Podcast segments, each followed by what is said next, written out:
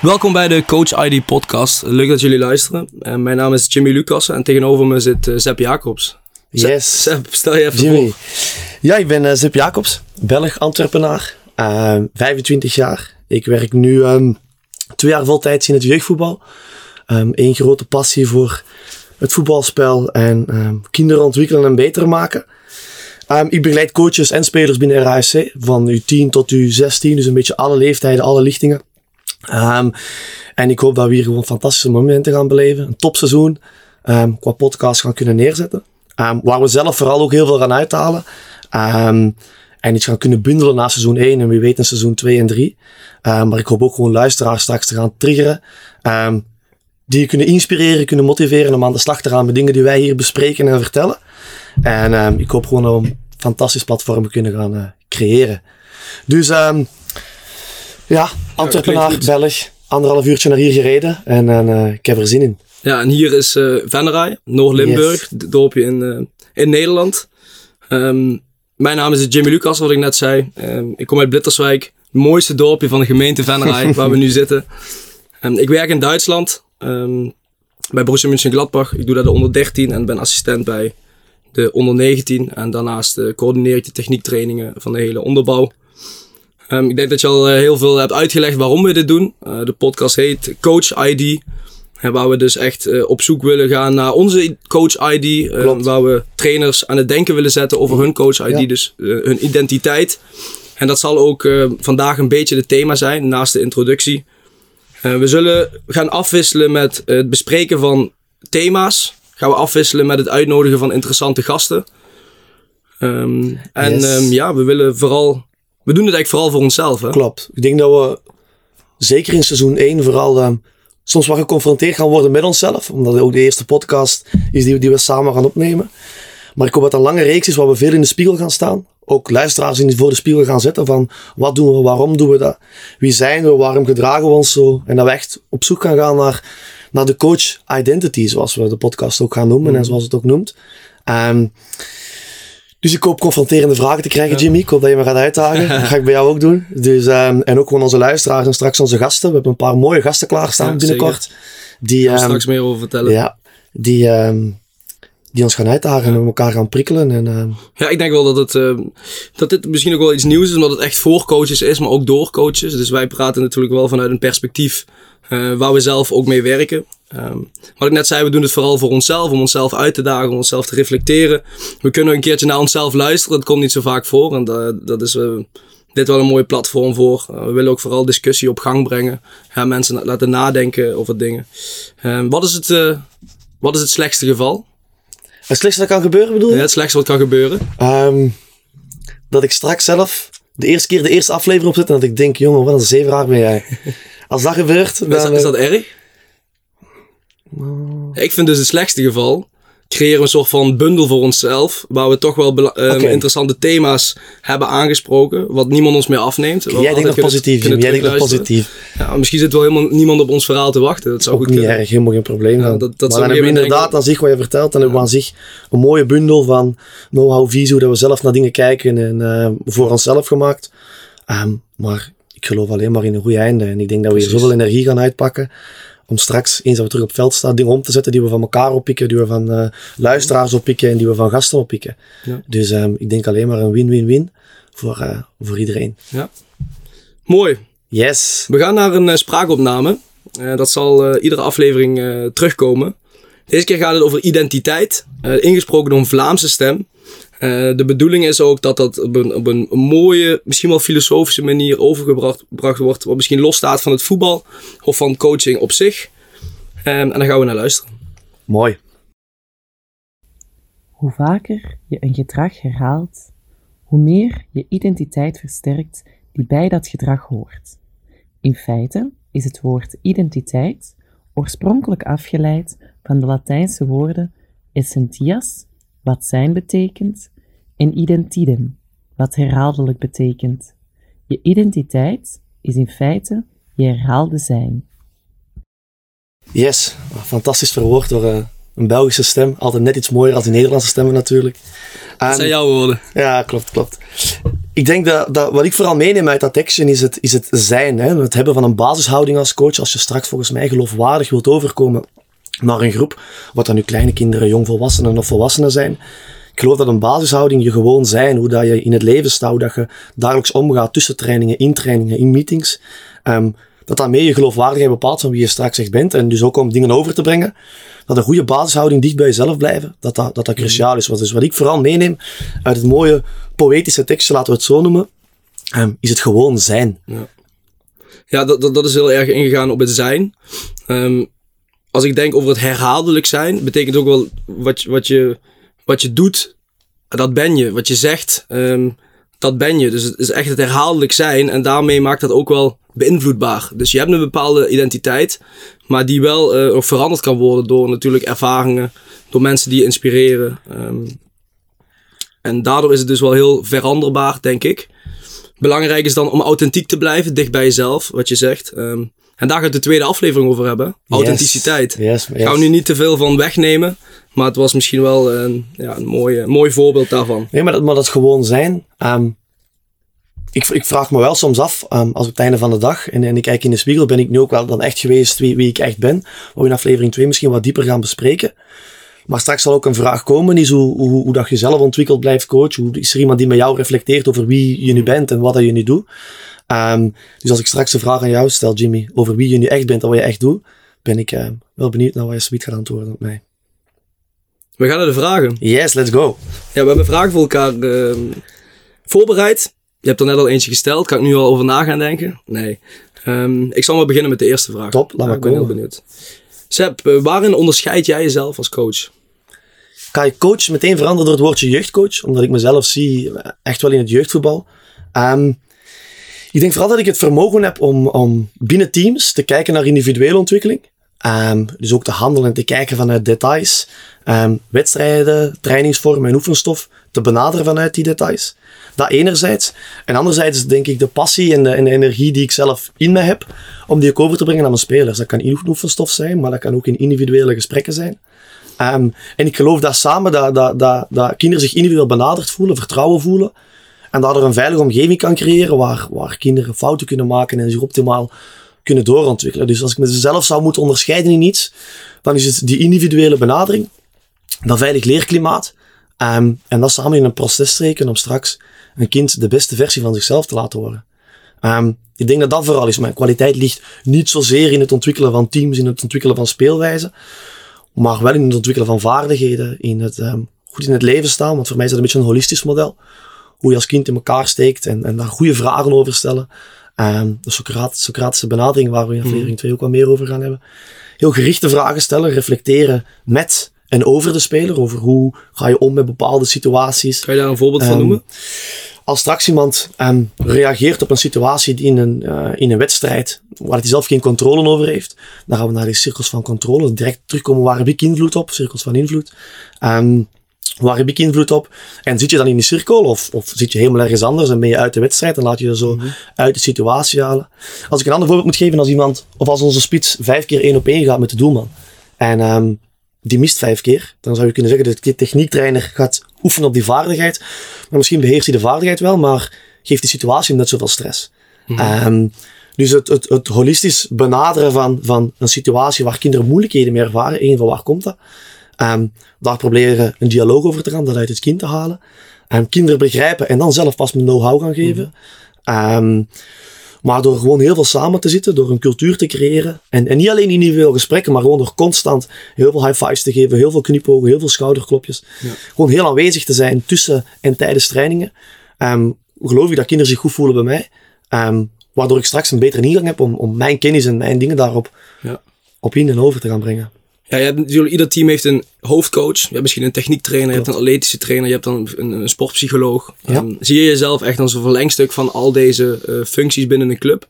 Iemand die um, van alle werelden het beste uitpakt en daardoor zeg maar een filosofie creëert? Ik denk dat dat, dat ideaal is. Door vooral, ik denk, ik geloof dat we meer moeten samenzitten over functies heen. En dat bedoel ik inderdaad met wat je juist vertelt. Als je straks een, een spelersoverleg hebt waar een teamcoach bij is, een mental coach bij is, of een, of een psycholoog bij is, een techniektrainer bij is en een physical coach bij is. En je gaat dan situaties op teamniveau of individueel niveau bespreekbaar maken. Maar vanuit die verschillende ingangspunten, um, dan denk ik dat het meeste rendement. En dan samen tot een conclusie komen. Oké, goed, hoe gaan we het plan nu schrijven voor die team of die speler? Um, en die rol zie ik, mezelf, zie, zie ik mezelf wel opnemen. Om de verbindende rol zijn tussen specialisten Um, waar, waar mensen zijn die veel meer kennis als mij hebben. Um, maar door die samen te brengen, te gaan laten kijken naar een bepaalde situatie en ieders vanuit zijn standpunt. Um, ik geloof dat daar heel veel winst in zit. En dan samen naar buiten komen met een plan en met een methodiek om dan dat specifieke item te gaan verbeteren. Ja, zie je dus ook het termijn je meer als visiebepaler, visiebewaker, filosofieontwikkelaar dan als, als teamtrainer. Ja, klopt. Zeker en vast. Ik denk, ik denk dat mijn kracht ook ligt in, in, in mensen aansturen. Hè. Ben, ben nu, is mijn leerdoel voor komende periode is, is coaches bijsturen en aansturen. Um, een stukje het leiderschap waar ik me vandaag heel hard in wil gaan ontwikkelen. Hoe ga ik om met mensen? Niet alleen met spelers, maar ook om met mijn mensen. Hoe kan ik een visie die bepaald is, mede door mezelf, maar vooral ook door de club. Hoe kunnen we die nu meer laten uitdragen? Hoe kunnen we nog meer methodisch gaan werken? En trainers dat ook doen begrijpen. Daar ligt mijn grootste winst komende periode in. Maar als ik mezelf ook wel, ik voel dat ik daar wel heel veel energie uitpak. In, in structuren uitschrijven, die bewaken. En mensen daarin gaan begeleiden. Mhm. Dus uh, als ik mezelf daarin zou kunnen en mogen doorontwikkelen, dan uh, zal het zeker daarin zijn ook. Ja. Top. Jimmy, vraag 2. Klaar voor? Ik ben helemaal klaar. Yes. Jimmy, je, je, bent coach, hè? je bent U13, uh, je doet een beetje techniektraining. Je bent assistent bij uh, onder 18, als ik me niet vergis. Onder 19. Ja. Onder 19. Um, in, weliswaar een, een, topopleiding. Maar als je voor jezelf nu even, even zou moeten kijken, wat geeft je nu het meeste energie uit de dingen die je vandaag doet? Waarvoor kom je s ochtends uit je bed? Van het takenpakket dat je vandaag op je tafel hebt liggen. Ja, kijk, allereerst maakt uh, mijn, mijn, mijn, mijn best wel breed takenpakket maakt het voor mij juist uh, interessant. En dat geeft mij juist energie, omdat ik heel veel afwisseling heb. Mm -hmm. Ik werk met, uh, met, met spelers van verschillende leeftijdsgroepen, in verschillende fases in hun ontwikkeling, in verschillende rollen. Kijk, bij een onder 13 uh, ben ik natuurlijk hoofdverantwoordelijke. Spelers kijken met een beetje anders naar je, een ander respectlevel. Um, je biedt ze natuurlijk ook inhoudelijk um, op en naast het veld bied je ze andere dingen aan, als bijvoorbeeld bij een onder 19. Bij onder 19 ben ik, uh, ben ik uh, assistent.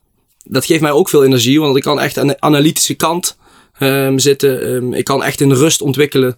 Uh, gelukkig met een hoofdtrainer die de perfecte sterktes in de trainerstaf weet te gebruiken.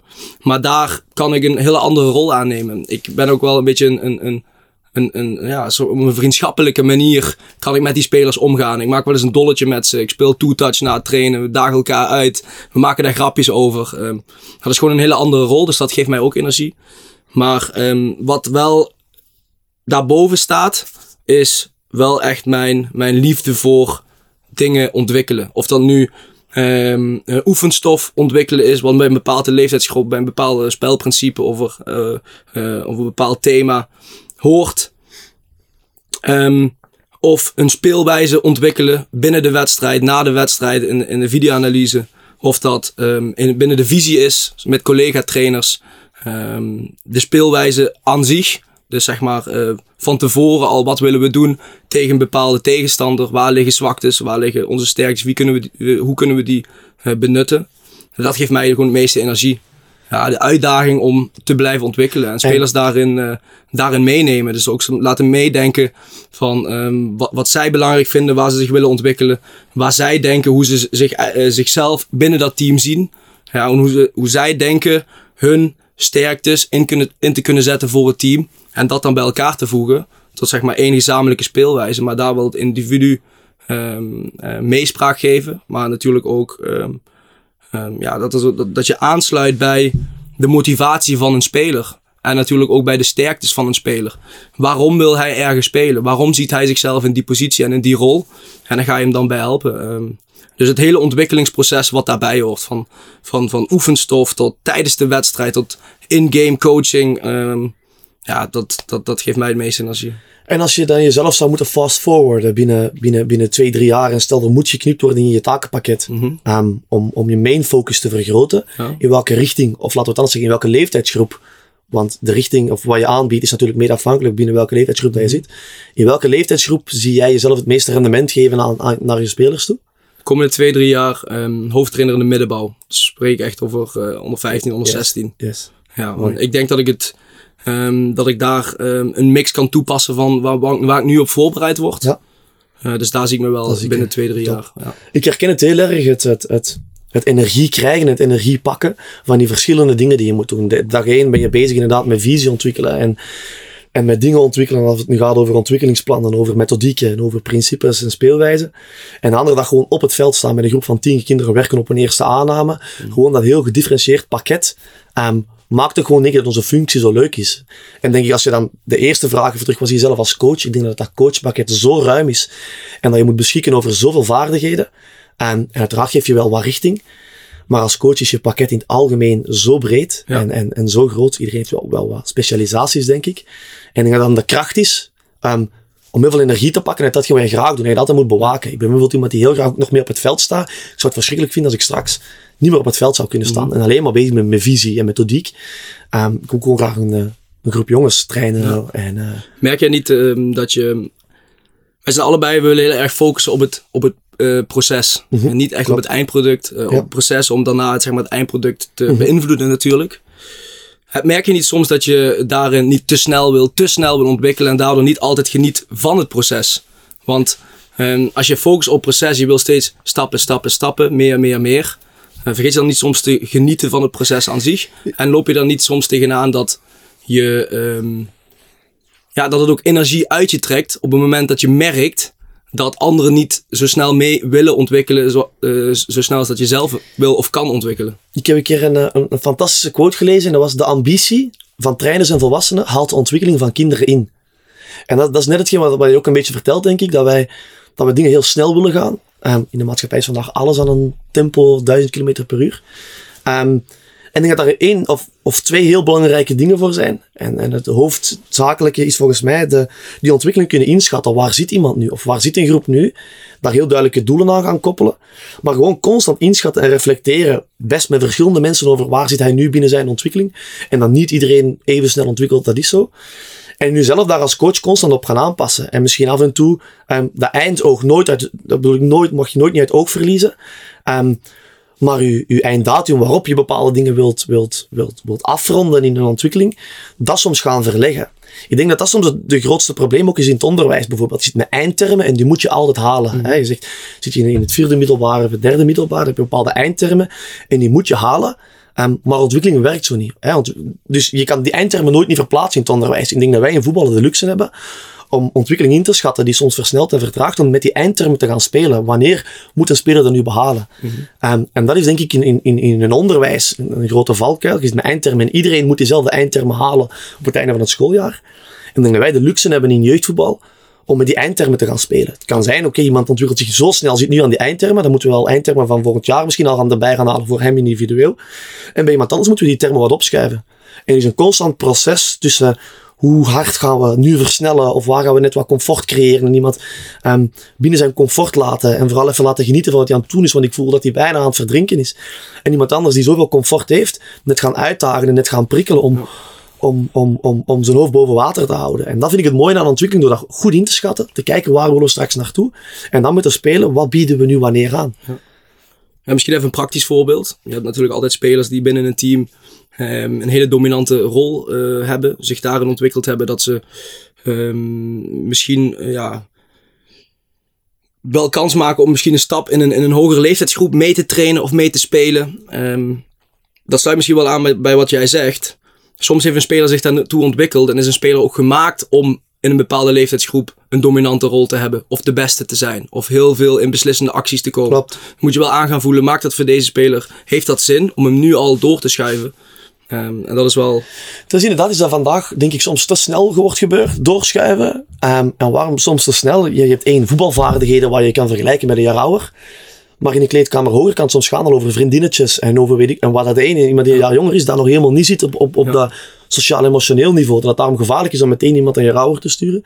En het tweede denk ik ook afhankelijk van je leerdoel. Um, moet je iemand heel vaardig aan de bal maken. Dan is het soms gewoon om het beste zijn in je eigen team en in je wedstrijden. Mhm. Heel veel aan de bal te zijn, heel dominant te zijn. Heeft ook met positie te maken, vind ik. Ja, klopt. klopt. En als je morgen iemand, iemand meer in verdedigende taken wil gaan ontwikkelen of in dueltechniek, omdat hij daar nu zoveel comfort in heeft, mhm. dan kan het zeker een meerwaarde zijn om die soms, of af en toe, daarom moet het ook niet altijd. Mhm. Maar opnieuw te kijken vanuit het proces. Waar willen we vandaag beter in worden? Wat zijn onze doelen die we gesteld hebben? En wat past daarbij? Is dat beter op eigen leeftijd? Is dat beter op een spelen en trainen in je ouder? Of ook verschillend. Soms kan je trainen in je ouder, spelen eigen leeftijd. En daar constant mee spelen en daar in dialoog over gaan met spelers die daar wat eigenaarschap in geven. Wat denk jij dan nu vandaag voor wie het beste is? Ja. Dat is... ehm, dat is, dat is het mooie, denk ik, aan wat we Ja, daarin om, om doen. die vraag af te sluiten. Dat is wat ik bedoelde met ehm, ook genieten van het proces. En de speler ook laten genieten van het proces. Yes. En hem ook die ervaringen eh, nemen dat, dat hij merkt, zelf ook ziet dat hij zich ontwikkeld heeft. En dat hij zich daar ook voor kan en mag belonen. En dat het dan niet weer te snel gaat voor hem. Klopt. Oké, Mooi. volgende vraag voor jou. Ehm, wat is voor jou een goede coach? Oef. Wat een vraag. We zitten hier wel bij coach ID. Yes, Dus, yes. ehm, Wat is voor jou een goede coach? Ik denk, ik denk eerst en vooral moet je altijd starten met dat iedereen anders is. Hè? Een beetje wat we juist ook verteld hebben. Ik denk dat elke coach kwaliteiten heeft. En specifieke kwaliteiten. En een goede coach is volgens mij in de eerste plek iemand die zijn eigen kwaliteiten optimaal kan laten renderen in een groep. Ik denk als je je in een positie kunt zetten en kunt handelen naar je kwaliteiten, waardoor spelers of teams ehm, van jou het meeste rendement krijgen of van jou het meeste input krijgen. Ehm, dus als je jezelf in die positie krijgt, dat is al, dat is al een hele grote stap. Ehm, daarnaast denk ik is een cruciale vaardigheid in het coachen en begeleiden van kinderen is, is gewoon je communicatiestijl. Maar zowel lichaamstaal als verbaal als non-verbaal. Ehm kom ook een beetje terug op die basishouding. Hoe kom je straks een kleedkamer binnen? Ehm, en drie, iemand die gewoon constant in de spiegel kijkt. Iemand die dag in dag uit wat ik vandaag doe. één, past dat bij de leeftijd die ik train? Is dat leeftijdseigen? Twee, klopt dat hoe dat kinderen leren? Matcht dat? Is dat hoe dat het voetbal van de toekomst gaat moeten gespeeld worden? Door constant die vragen te stellen. En, en vooral ook te variëren en niet vast te zitten in ik doe het nu al jaren zo en dat gaan we nu blijven doen. Dus voor mij een goede coach is iemand die, die weet wie hij is, weet wat in zijn kwaliteiten ligt. Van daaruit ook heel goed kan communiceren met een goede basishouding. En gewoon continuous improvement. hè. Ja. De Kaizen mindset, iemand die constant kijkt naar ehm, oké, wat kan er nu beter in wat ik vandaag doe en hoe ik vandaag handel.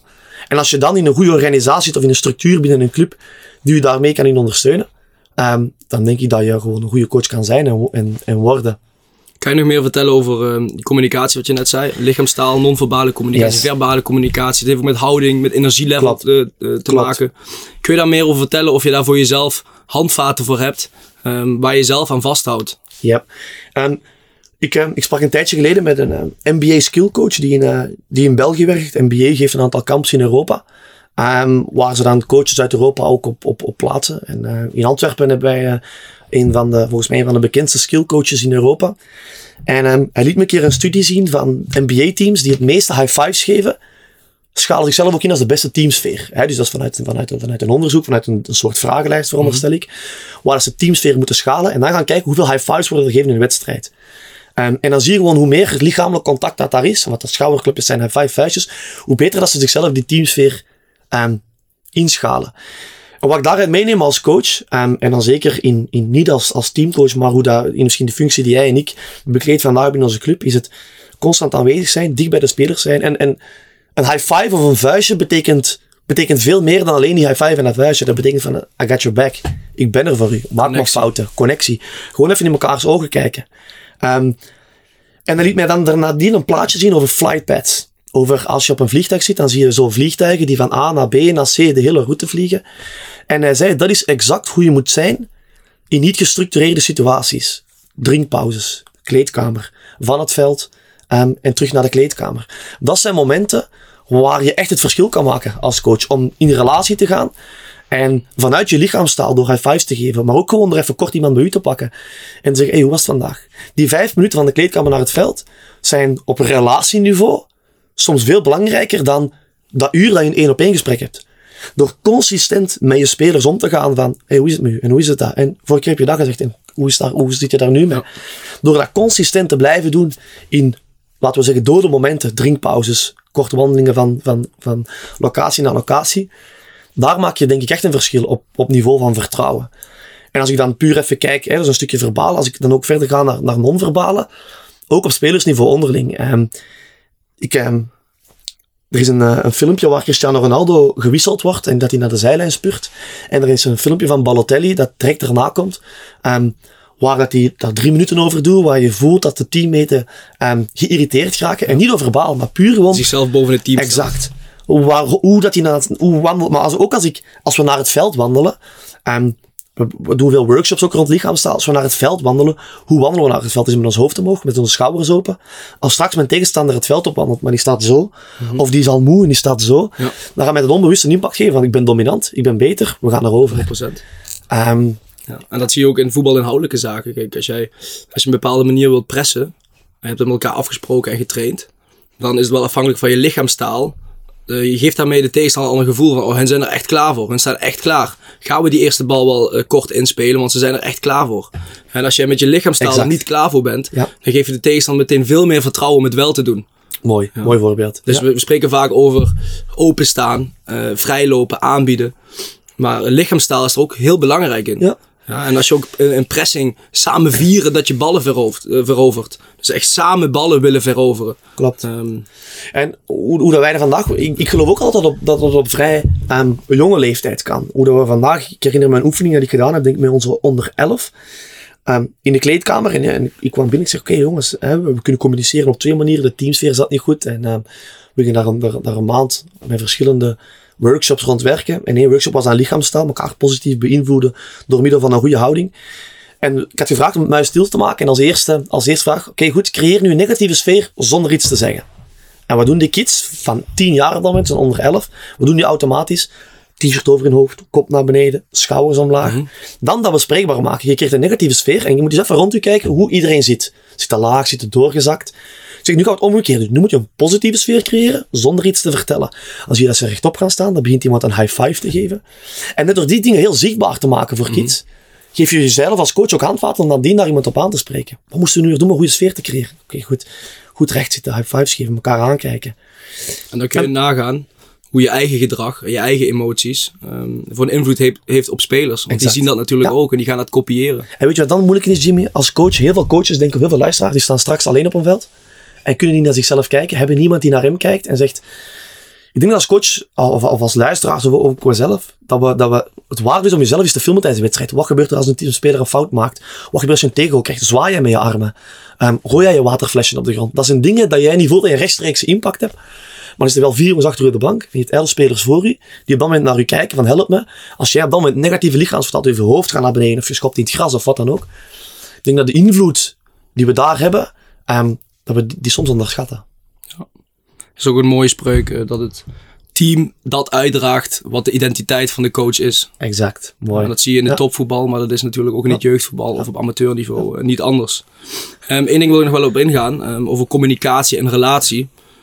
Natuurlijk, ehm, in deze tijd met corona, eh, veel teams mogen niet in de kleedlokalen. Ze moeten zelfs tijdens waterpauzes afstand houden. Ze trainen of in groepjes van twee of in groepjes van tien. Wij in Duitsland hebben heel lang ook online moeten trainen en via challenges. Dat jongens echt Ja.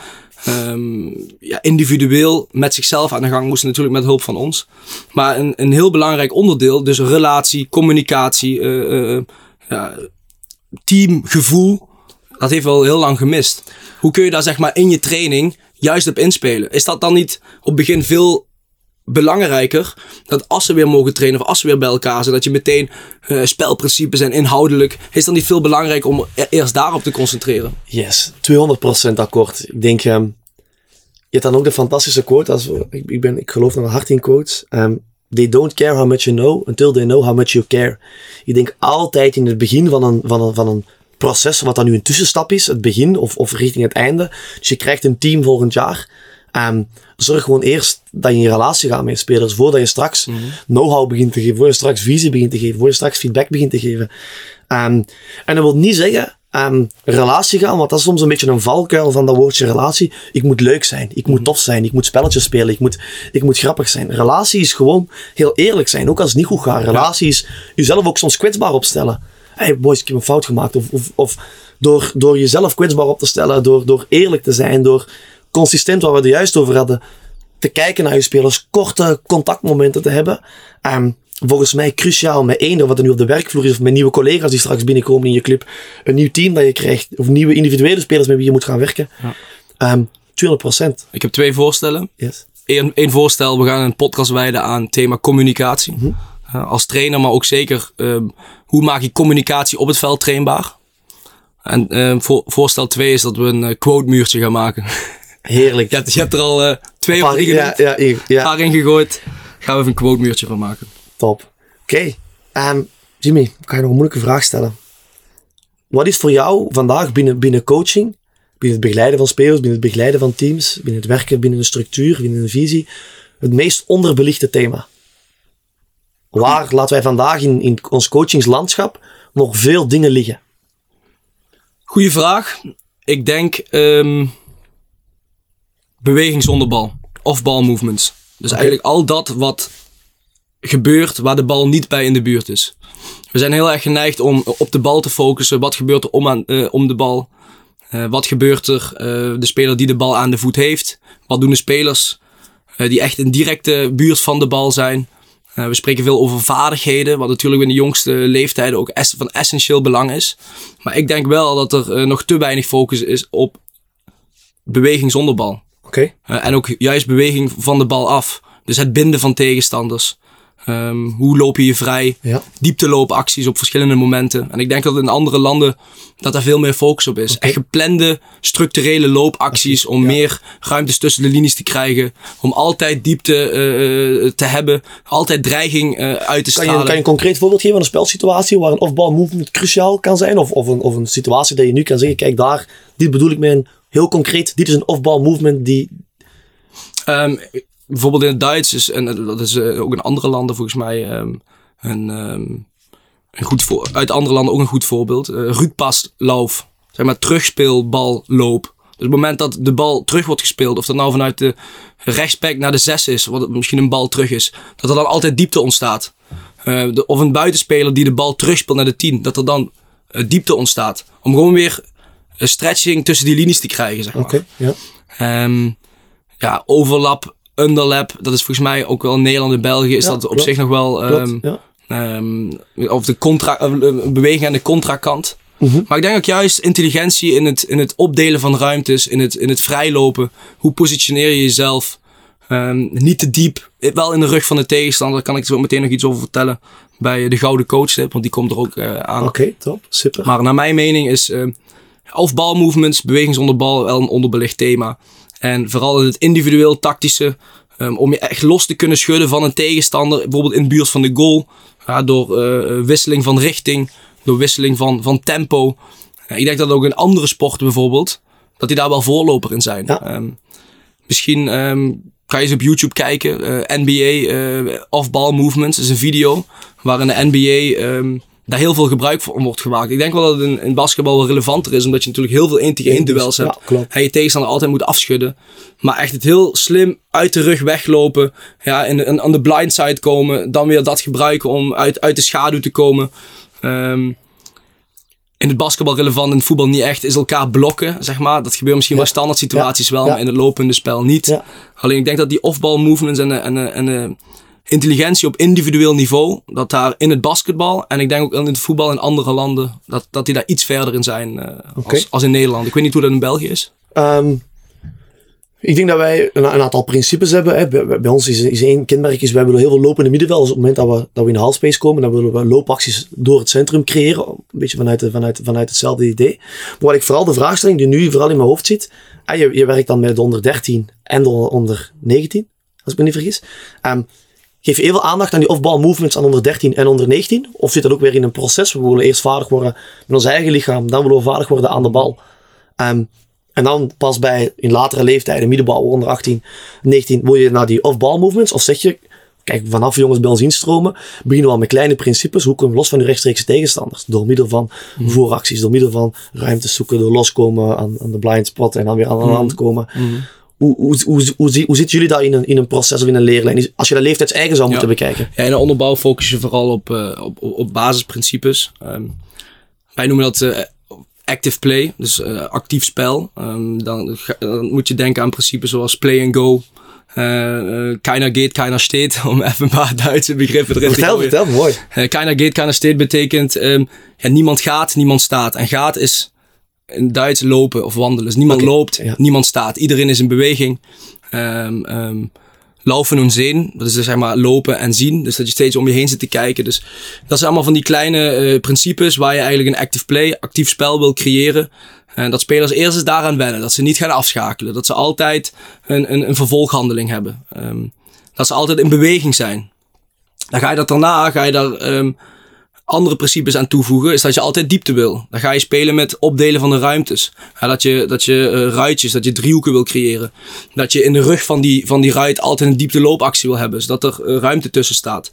In de onder 19 ga je dat weer meer plaatsen in de context van het spel binnen de speelwijze en binnen, een, uh, binnen de posities. Wat dat dan concreet betekent op welke positie. Omdat je daar meer op teamtactisch vlak uh, gaat kijken. Dan ga je kijken hoe speelt de tegenstanders. Waar hebben zij ruimtes waar we, waar we ze pijn kunnen doen en pijn willen doen. Waar hebben wij spelers die um, bepaalde snelheid meebrengen. Bepaalde uh, bepaalde wapens meebrengen waardoor ze de tegenstander pijn kunnen doen. Dus dan ga je dat iets meer plaatsen in de context van het spel. En ik denk dat je in de onderbouw vooral uh, globaler eerst aanreikt. Dat de spelers comfortabel worden met actief spel. En dat je zorgt dat de intensiteit daarin hoog is. En dat ze leren lopen. En niet alleen slim leren lopen, maar ook leren lopen. Dat ze constant in onderweg beweging zijn. zijn. Ja. ja. onderweg zijn, precies. Ja, klopt. Fantastisch. Mooi. Volgende vraag. Waarin zou jij jezelf nog willen ontwikkelen als coach? Ik denk, hetgeen wat jij juist vertelde, ik voel dat ik daar nog heel veel marge in heb. Dat is in het lezen en beïnvloeden van wedstrijden. Ik voel dat ik um, um, mezelf ook nog niet genoeg ruimte voor gecreëerd heb om straks op, op tactisch niveau een wedstrijd te gaan ontleden, een wedstrijd te gaan beïnvloeden.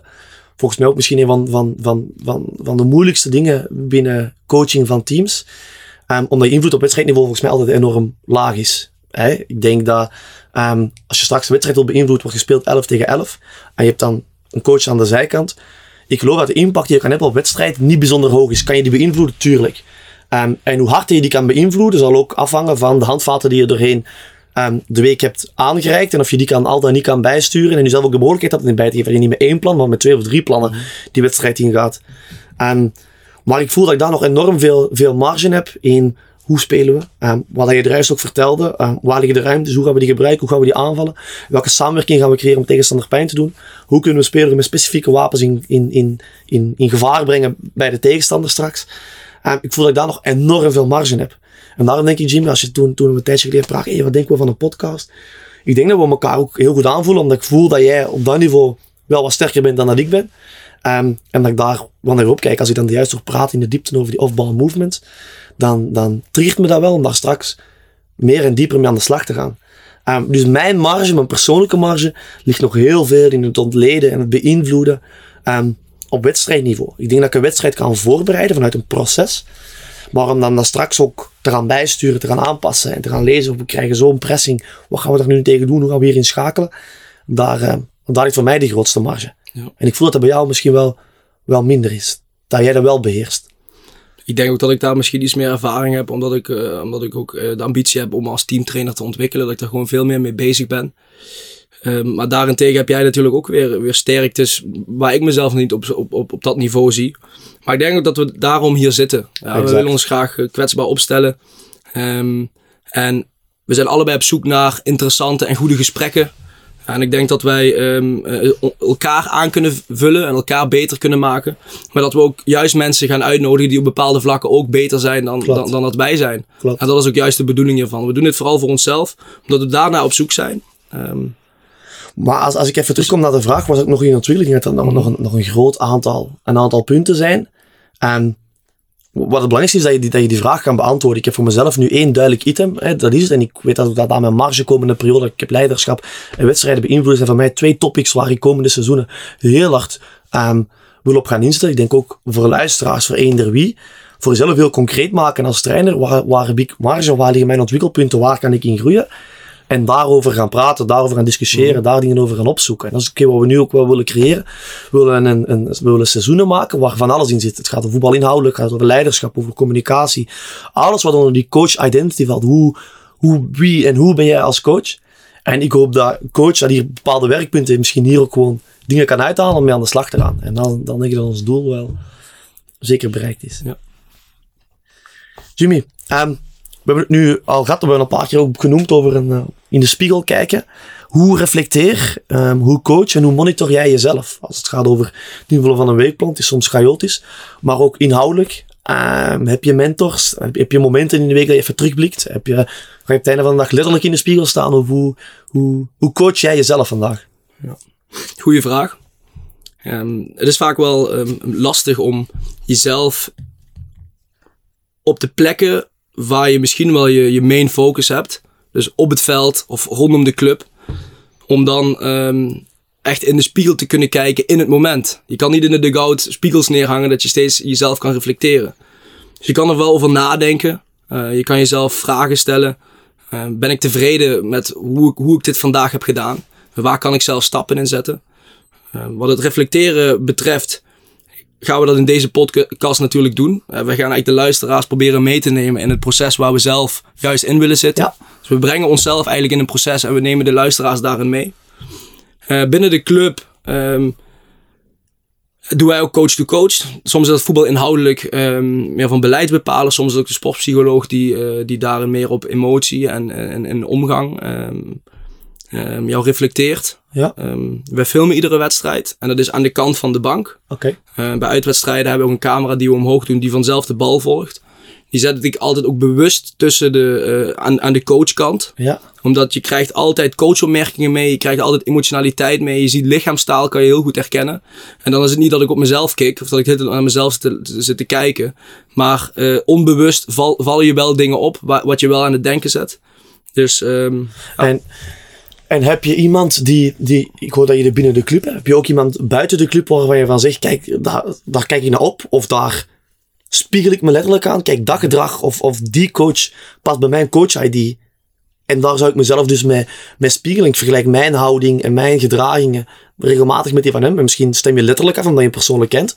Of is er bij jou iemand waar je van zegt, als het gaat over reflecteren, dan neem ik meestal contact op met die persoon. Of, of met hem bespreek ik situaties. Of, of heb jij voor jezelf in je, in je, buiten, je, buiten je clubcontext iemand waar dat je op terugvalt? Ja, ik, kan, ik kan nu wel uh, trainers gaan noemen uit het internationaal topvoetbal, maar ik vind het niet helemaal uh, grijpbaar. Okay. Omdat um, je, ziet, je ziet ze ook vaak alleen op persconferenties um, en als er een beeld voorbij schiet. Um, ik denk wel dat het onvermijdelijk is dat ik, uh, dat ik veel aan mijn vader heb, met hem daar veel over praat. Hij heeft een hele duidelijke visie ook op, op, op coaching, op analyseren, op detailniveau. Dus natuurlijk heb ik daar wel veel aan, omdat hij ook ja, de ervaring meebrengt en me ook op andere gedachten kan brengen. En we ook heel eerlijk zijn naar elkaar. Dus um, daar heb ik natuurlijk wel ja. heel veel aan. Dat is onvermijdelijk. Dat heeft ook wel mijn visie mee gevormd. Um, dus ik denk dat we ook ja, gewoon in dezelfde begrippen kunnen praten waar we elkaar begrijpen. Dus dat is wel heel waardevol. Ja, en verder, er zijn meerdere coaches die mij wel inspireren. Uh, maar ik kan niet uh, zeggen dat ik, um, dat ik me echt met één iemand heel verbonden nee. voel. Nee. Ik, dus qua energielevel vind ik, vind ik het ook mooi wat, wat Klopp doet bijvoorbeeld. Ja. Um, maar op inhoudelijk level denk ik dat mijn speelwijze en mijn meer zo richting, richting Spaanse trainers gaan. Um, dus ik denk, ik vind het heel moeilijk om één, een, een trainer te noemen. Waar ik daarna op kijk. Maar um, ja, zoals ik zei, met mijn vader heb ik wel iemand waar ik uh, ook buiten de club veel mee kan reflecteren. Dus dat is wel heel waardevol. Ik, ik voel soms dat, dat, dat een stukje bij mezelf. En ik denk ook dat we dichter bij elkaar zijn gekomen afgelopen seizoenen. Omdat wij ook soms de clubgrenzen durven laten zakken. En over die clubgrenzen heen dingen bespreken. Um, en, en dat is wat ik zo, ook zo wel wat bedoelde met die vraag gewoon. Ik denk dat ik regelmatig buiten de club mijn clubgrenzen laat zakken. Of die clubmuren laat zakken. Om met trainers die in Duitsland werkzaam zijn. Met trainers die in Nederland werkzaam zijn. Ja. Dingen te gaan bespreken. Daar energie uit te pakken. Um, en dat zijn dan mensen waar ik ook wel naar opkijk. Hey, jij bent er met van, maar ik, ik heb zo wel een paar mm -hmm. personen die ik regelmatig wel eens, wel eens WhatsApp met een vraag. Of ik herinner me nog de, de laatste keer, het was iets van... Um, tussen de linies dat, dat we met elkaar aan het whatsappen waren. Wat betekent dat nu? En dat jij direct een aantal voorbeelden aangaf.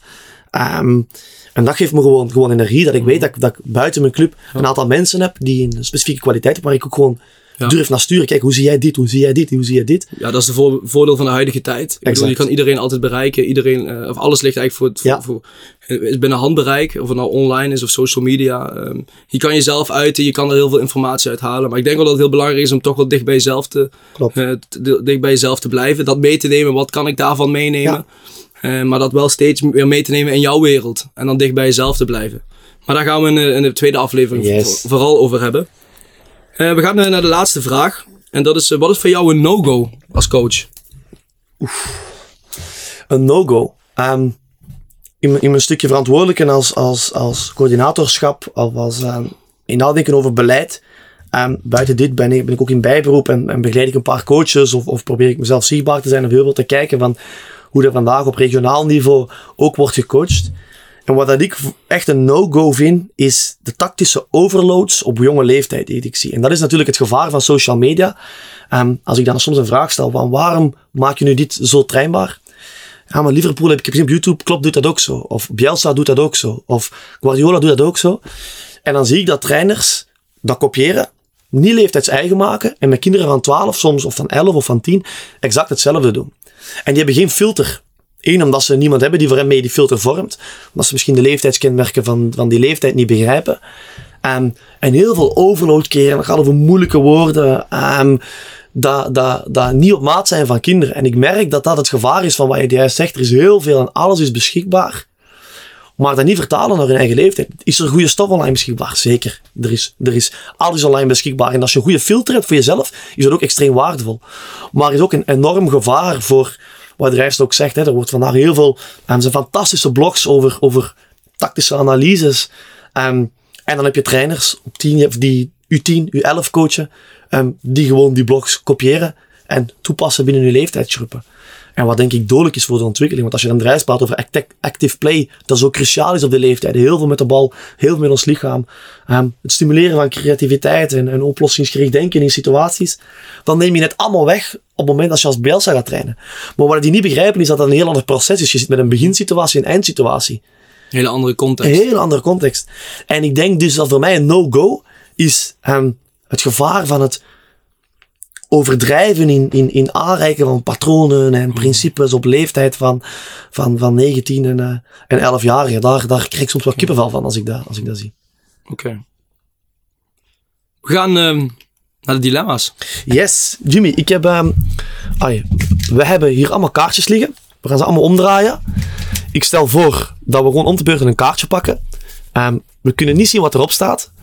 Dus um, we pakken gewoon een kaartje en ik stel voor dat je zelf um, denkt, het zijn, dilemma's, dus altijd of-of. Um, en dat je zelf gewoon um, ingaat op hetgeen, op hetgeen ja. wat je trekt. Is goed. Start jij? Ik, ik zal starten. Ik ook. Ik zal uh, de bovenste pakken. Voilà, super. Offensief of defensief? Moet ik er één kiezen? Ja, dus vertel. Als, als je zegt, laten we starten, je moet altijd eentje kiezen, verplicht. Ja, En dan mag je eventueel okay. die grijze zone aanvallen. Dus er is, er is okay? grijze zone. Die, mag je, die mag je pakken. Um, offensief kies ik dan. Oké. Omdat ik daar gewoon van natuur zelf ook als voetballer um, toch iets meer oog en interesse voor heb. Maar ik moet zeggen dat ik um, de laatste jaren wel steeds meer een liefde ontwikkeld heb voor het bespreekbaar maken, het analyseren um, van, van, uh, van, van verdedigen, van het okay. defensieve stukje, van het collectieve verdedigen, uh, van de individueel tactische manier van verdedigen, uh, voor het um, vaardigheden binnen verdedigen en daarom verschillende situaties aan te reiken. En ik moet ook wel zeggen dat ik daar ja, heel veel aan heb gehad um, aan mensen binnen de club. Okay. Die daar wel een voorliefde voor hebben ja. en mij daarin meegenomen ja. hebben.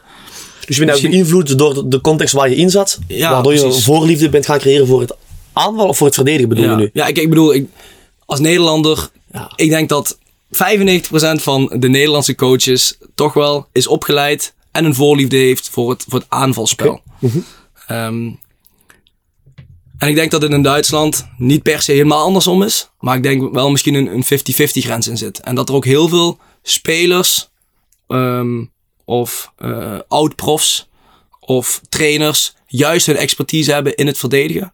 Niet per se hoeven en willen domineren, maar daar wel heel goed in zijn. En daar ben ik wel de laatste jaren echt door beïnvloed. Dat, dat, dat heeft me ook wel echt meegenomen aan het denken gezet. Dus daar heb ik me het meest ontwikkeld. Okay. Maar de meeste voorliefde is wel voor het domineren, het bepalen met de bal. En, het, en het offensieve, toch wel ook ja. Totaalvoetbal. En ik weet dat defensief daarbij hoort. En dat je het eigenlijk ook niet los van elkaar wil en moet zien uh, als trainer. Um, maar um, ja.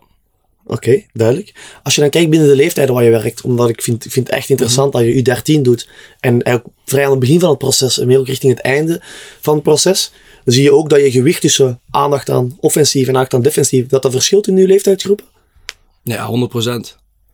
Ehm, wat ik in Duitsland helaas zie op het moment dat je het defensief echt goed voor elkaar hebt en je, prest op een, op een goede manier, dat, eh, dat sommige ploegen het een beetje vermijden. Ik denk dat op uh, onder 19 niveau ploegen altijd gaan zoeken naar oplossingen. En dan is het weer altijd hun doen dit, wij doen dit, hun doen dit, wij doen dit. Wat gaan ze doen? Wat verwachten wat ze gaan doen? Ja, ook ingrijpen voor de wedstrijd al in de afsluitende trainingen, de analyses. Ingrijpen tijdens de wedstrijd. Um, en daardoor misschien wel licht concessies doen, uh, maar toch wel bij je eigen speelwijze blijven en kijken hoe je daar kan aanpassen. En uh, bij, het, ja, bij onder 13 ga je niet per se aanpassen, dan ga je meer in de ja, in, een individuele spelintelligentie ja. zitten. Hoe ga je aanlopen? Hoe ga je een beetje beetje spelen tijdens het aanlopen. Dat je binnenkant en buitenkant misschien vast kan houden. Met welke voet ga je blokken. Echt een beetje meer de individuele dingen boven, de, uh, boven het uh, teamtactische plan. Ja. Dus daar zit wel een verschil in. Oké, okay, duidelijk. Mooi. Hollanders. Altijd maar aanvallen. Nationaal ploeg doet wel niet zo fantastisch goed, hè? Of wel? Terug. Moet dit? Moet dit nu hier? Ja, moesten we toch even vermelden. Hè? Dat ik mezelf voorgenomen. Oké. Okay. Kaartje trekken. Ja. Impliciet of expliciet? Oef. Moet ik nu net dit kaartje trekken? Nee, uh, fantastische discussie. En ik denk impliciet. Als ik moet kiezen, impliciet. Maar wel daarbij impliciet als het kan en expliciet als het moet. Ik geloof um, alles wat impliciet kan aangereikt worden um, met rendement, dus met, met leerrendement, moeten we expliciet aanreiken. Maar ik geloof dat niet alles uh, impliciet kan aangereikt worden. Um, dat bedoel ik mee. Als we straks over vaardigheden, vaardigheden gaan, gaan praten en we willen vaardigheden trainbaar maken, misschien op iets jongere leeftijd, als het gaat over een eerste aanname of uit de dekking komen of uh, net indribbelen, wat jij ook zegt, met je hoofd omhoog, uh, met contact met je middenveld als je centrale verdediger erbij komt, denk ik en geloof ik dat sommige dingen expliciet trainbaar gemaakt moeten worden. En als je dingen expliciet trainbaar wil maken, dan, hoe dat ik dat vandaag benader, dan neem ik mijn verdedigers ook weg, omdat ik dan veel coachmomenten ga pakken en, en vanuit detail op de bewegingsuitvoering kan gaan bijsturen. Um, maar vraag 1 altijd op het moment dat ik een vaardigheid wil trainbaar maken is, kan dit impliciet? En als, of, als, het, als het niet kan, of ik weet gewoon niet hoe, dan pak je expliciet. En ik denk dat, dat, dat er, is, er is niks mis met beide. Dat impliciet vandaag meer rendement heeft, um, dat klopt. Maar ik geloof dat niet alles impliciet kan. En dat er dus met expliciet aan zich um, niets fout is. En ik denk dat je net moet gaan variëren tussen de twee. Tussen soms een keer expliciet iets aanreiken, dan weer heel impliciet iets aanreiken. Um, en het tweede, waar, waar ik soms mee zit, als je expliciet iets aanreikt en je wilt straks op wedstrijdniveau iets terugzien, als ik met van oudere leeftijden denk, um, als ik expliciet iets aanreik, is het makkelijk om je wedstrijdsituatie ook dingen er, te gaan bijsturen, omdat je daar doorheen de week ook expliciet hebt verteld, uitgelegd en bespreekbaar hebt gemaakt. Mm -hmm. Als ik doorheen de week alles impliciet aanreik en ik wil een coachmoment pakken, um, maar spelers kunnen de vertaling niet maken naar wat ze in de situatie getraind hebben en wat ik dan op de wedstrijdniveau vertel, um, dat, dat, dat, dat uw invloed als coach op wedstrijdniveau soms minder is. Mm -hmm. um, dus ik geloof dat het een, een, een en-en verhaal is. Um, als ik dan even kijk op jongere leeftijden, ga ik voor impliciet. En hoe ouder dat je wordt, ga ik misschien explicieter. Omdat ik dan echt, wat je juist ook vertelde, als je straks een wedstrijd um, op detailniveau wilt gaan voorbereiden over hoe we precies gaan pressen, hoe we voetbal op het middenveld gaan komen, hoe we kansen gaan creëren, dan is het soms ook gewoon expliciet vertellen, dit gaan we zo doen, dit gaan we zo doen, dit gaan we zo doen. En als het gaat over vaardigheden aanleren, of je traptechniek, of je eerste aanname, dan geloof ik dat we impliciet ja, okay. meer rendement gaan kunnen halen. Maar okay. weet, je waar, weet je waar ik zelf wel eens een handje van heb? Op het moment dat ik um, meer, aan een, meer aan een impliciete uh, kant zit, dus bepaalde ja. regels om mijn voetbalgedrag ja. te, stimuleren, te, stimuleren dat ik dan expliciet ga uitleggen waarom we die regels doen. Is het dan nog impliciet? Zo herkenbaar, maar ik geloof van niet. En, en, en, maar je, je doet dat ook een beetje omdat je daar straks ook wilt op terugkomen, misschien in een bepaalde situatie. Mm. Want als je dat niet doet en je wilt ergens op terugkomen later, dan is dat veel moeilijker voor jou als coach ja. om, daar, om daar terug naar te verwijzen. Ja. Omdat speler op dat moment impliciet, net wat je wilt, heel onbewust dat gedrag zijn aan het uitvoeren. Ja. Maar je wil als trainer ook vertellen waarom je iets doet. Bepaalde dingen doet. En, en navragen of ze de link zelf kunnen leggen. Ja. Um, ja. Ik denk um, nog even terug te komen op offensief of defensief. En dan de link te leggen tussen impliciet of expliciet. Ik geloof wel heel erg in dat je uh, op defensief vlak, dat ik, um, ja, dat ik wel iets meer aan een expliciete kant zit. Omdat voor mij is het offensief spel heeft met keuzes te maken. En dat kun je vooral bevorderen door spelers in bepaalde situaties exact. te brengen. Exact. En ik vind wel dat defensief het ook meer gedisciplineerd, gedisciplineerd uitvoeren van een uh, uh, gezamenlijk uh, plan is. Waar je ook bepaalde dingen gewoon moet nakomen. En wat je ik op een expliciete manier veel beter trainbaar kan maken en kan vertellen. Op, op defensief vlak is er ook gewoon minder ruimte voor individuele beslissingen die misschien heel creatief zijn. Ik ga nu uitstappen. Omdat dat, en bij impliciet boost je heel hard de creativiteit. Om aanvallend vlak wil je dat net. Dan wil je acties die onvoorspelbaar zijn. Dan wil je één tegen één situaties die niemand had zien aankomen. Dan mhm. wil je steekpasses die niemand had verwacht. Maar op defensief vlak wil je structuur. Wil je samenwerken. Um, wil je goed, een goede organisatie. En dat is net wat jij ook vertelt. Dan wil je net heel expliciet als dan, dan, dat. Ja. En op aanvallend vlak wil je ruimte voor creativiteit aan de bal. En ik denk dat, dat daarom dat ik zeg, het is of-of. En naar gelang de situatie, en de situatie kan veranderlijk zijn, volgens mij één, door het vaardigheidsniveau. Want ik denk dat um, kinderen die vandaag niet kunnen voetballen, gebaat zijn met expliciet gewoon leiden dribbelen, met expliciet een eerste aanname. Dus ik denk dat één ding dat je in kaart moet brengen, of je impliciet of expliciet kiest, um, het vaardigheidsniveau is. Tweede leeftijd waarop dat je zit. En drie, welke spelfase of wat dat je trainbaar wil maken. Precies. Ik denk ook dat in het offensief spel ligt het initiatief bij de speler. En ik denk dat in heel veel defensieve aandachtspunten het initiatief bij het strijdplan of bij het, bij het matchplan liggen. Ja. Ja, dat er wel een uh, wezenlijk verschil is. We gaan er allebei nog eentje doen, want we moeten ook de tijd in de gaten houden. Want, uh, we kunnen hier volgens mij nog uren zitten. Maar laten we het verdelen in meerdere afleveringen. Ik ben aan de beurt, hè? Yep. Volgende kaartje. Digitaal of papier? Papier. 100%. Sowieso. Ik uh, ben... ja, ik, ik, ik, heb, ik heb een pen en één, één zit, zit acht kleurtjes in één pen. En ik heb ook een pen, daar zitten vier kleurtjes aan. En uh, daar kan ik me helemaal uitleven. En, en verlies je dan soms oefenstof? Denk je dan, oh, toen heb ik iets gegeven, ben ik niet kwijt? Ik digitaliseer het daarna wel, ah, ja, omdat okay. we ook een programma hebben waar we het in moeten voeren. Ja. Maar het, het, het, het, bedenken en het voorbereiden doe ik, op, doe ik op papier. Wat ik ook soms denk, dat soms de beste oefenstof bestaat gewoon in een rit in, van het huis naar de training. Of er zijn heel veel mensen die nog werken van hun werk, mm. naar de training rijden. En, en daar gewoon in auto tijd voor zichzelf hebben. Want dan ben je even letterlijk afgesloten. Je hebt een dak, je hebt muren naast je, je zit, je zit een muziekje op. Dat daar top oefenstof kan ontstaan. Ja, 100%. En daarom denk ik ook gewoon papier is, is, is goud. En uh, het voorbereiden papier is één. Maar op het veld zelf ontstaan de beste regels, de beste toevoegingen. Um, ik zeg altijd, teaching is loading. En loading moeilijker, is moeilijker maken of makkelijker maken. Mhm. Als je straks een oefenvorm start, kan het nooit dat je eindigt met die oefenvorm. Zeg ik altijd, kan je niet eindigen met die oefenvorm, want je kan onmogelijk inschatten hoe straks het gedrag, waar we juist over hadden, het voetbalgedrag van die spelers gaat zijn. Dus ik denk wat je zegt, oefenstof ontstaat binnen een training door dingen toe te voegen, door dingen weg te nemen. En dat kunnen tegenstanders zijn, dat kunnen ruimtes zijn, groter, kleiner. Ja. En dus op het einde van de training moet je eigenlijk je training verwerken. Ja. Denk ik. Precies. Reflecteren exact. weer. Ja. ja, mooi. Oké, de laatste. Um, eentje pakken. Geïsoleerd of holistisch? Ah, toevallig dat ik er juist daarvoor impliciet en expliciet pak. Volgens mij, voor mij hangt dat aan elkaar. Um, ik denk dat dit een... Als ik eerst moet kiezen, kies ik um, geïsoleerd. Waarom geïsoleerd? omdat ik, als ik de juist vertel dat ik nadenk vanuit het individu, geloof ik dat ik nu geïsoleerd moet zeggen, omdat ik daar ook dingen uitpak, blootleg, trainbaar en zichtbaar maak. Um, maar ik geloof ook hier opnieuw in het proces van het een naar het ander. Dat um, geïsoleerd starten um, naar een voetbalcontext, naar een teamcontext, dat dat proces logisch is.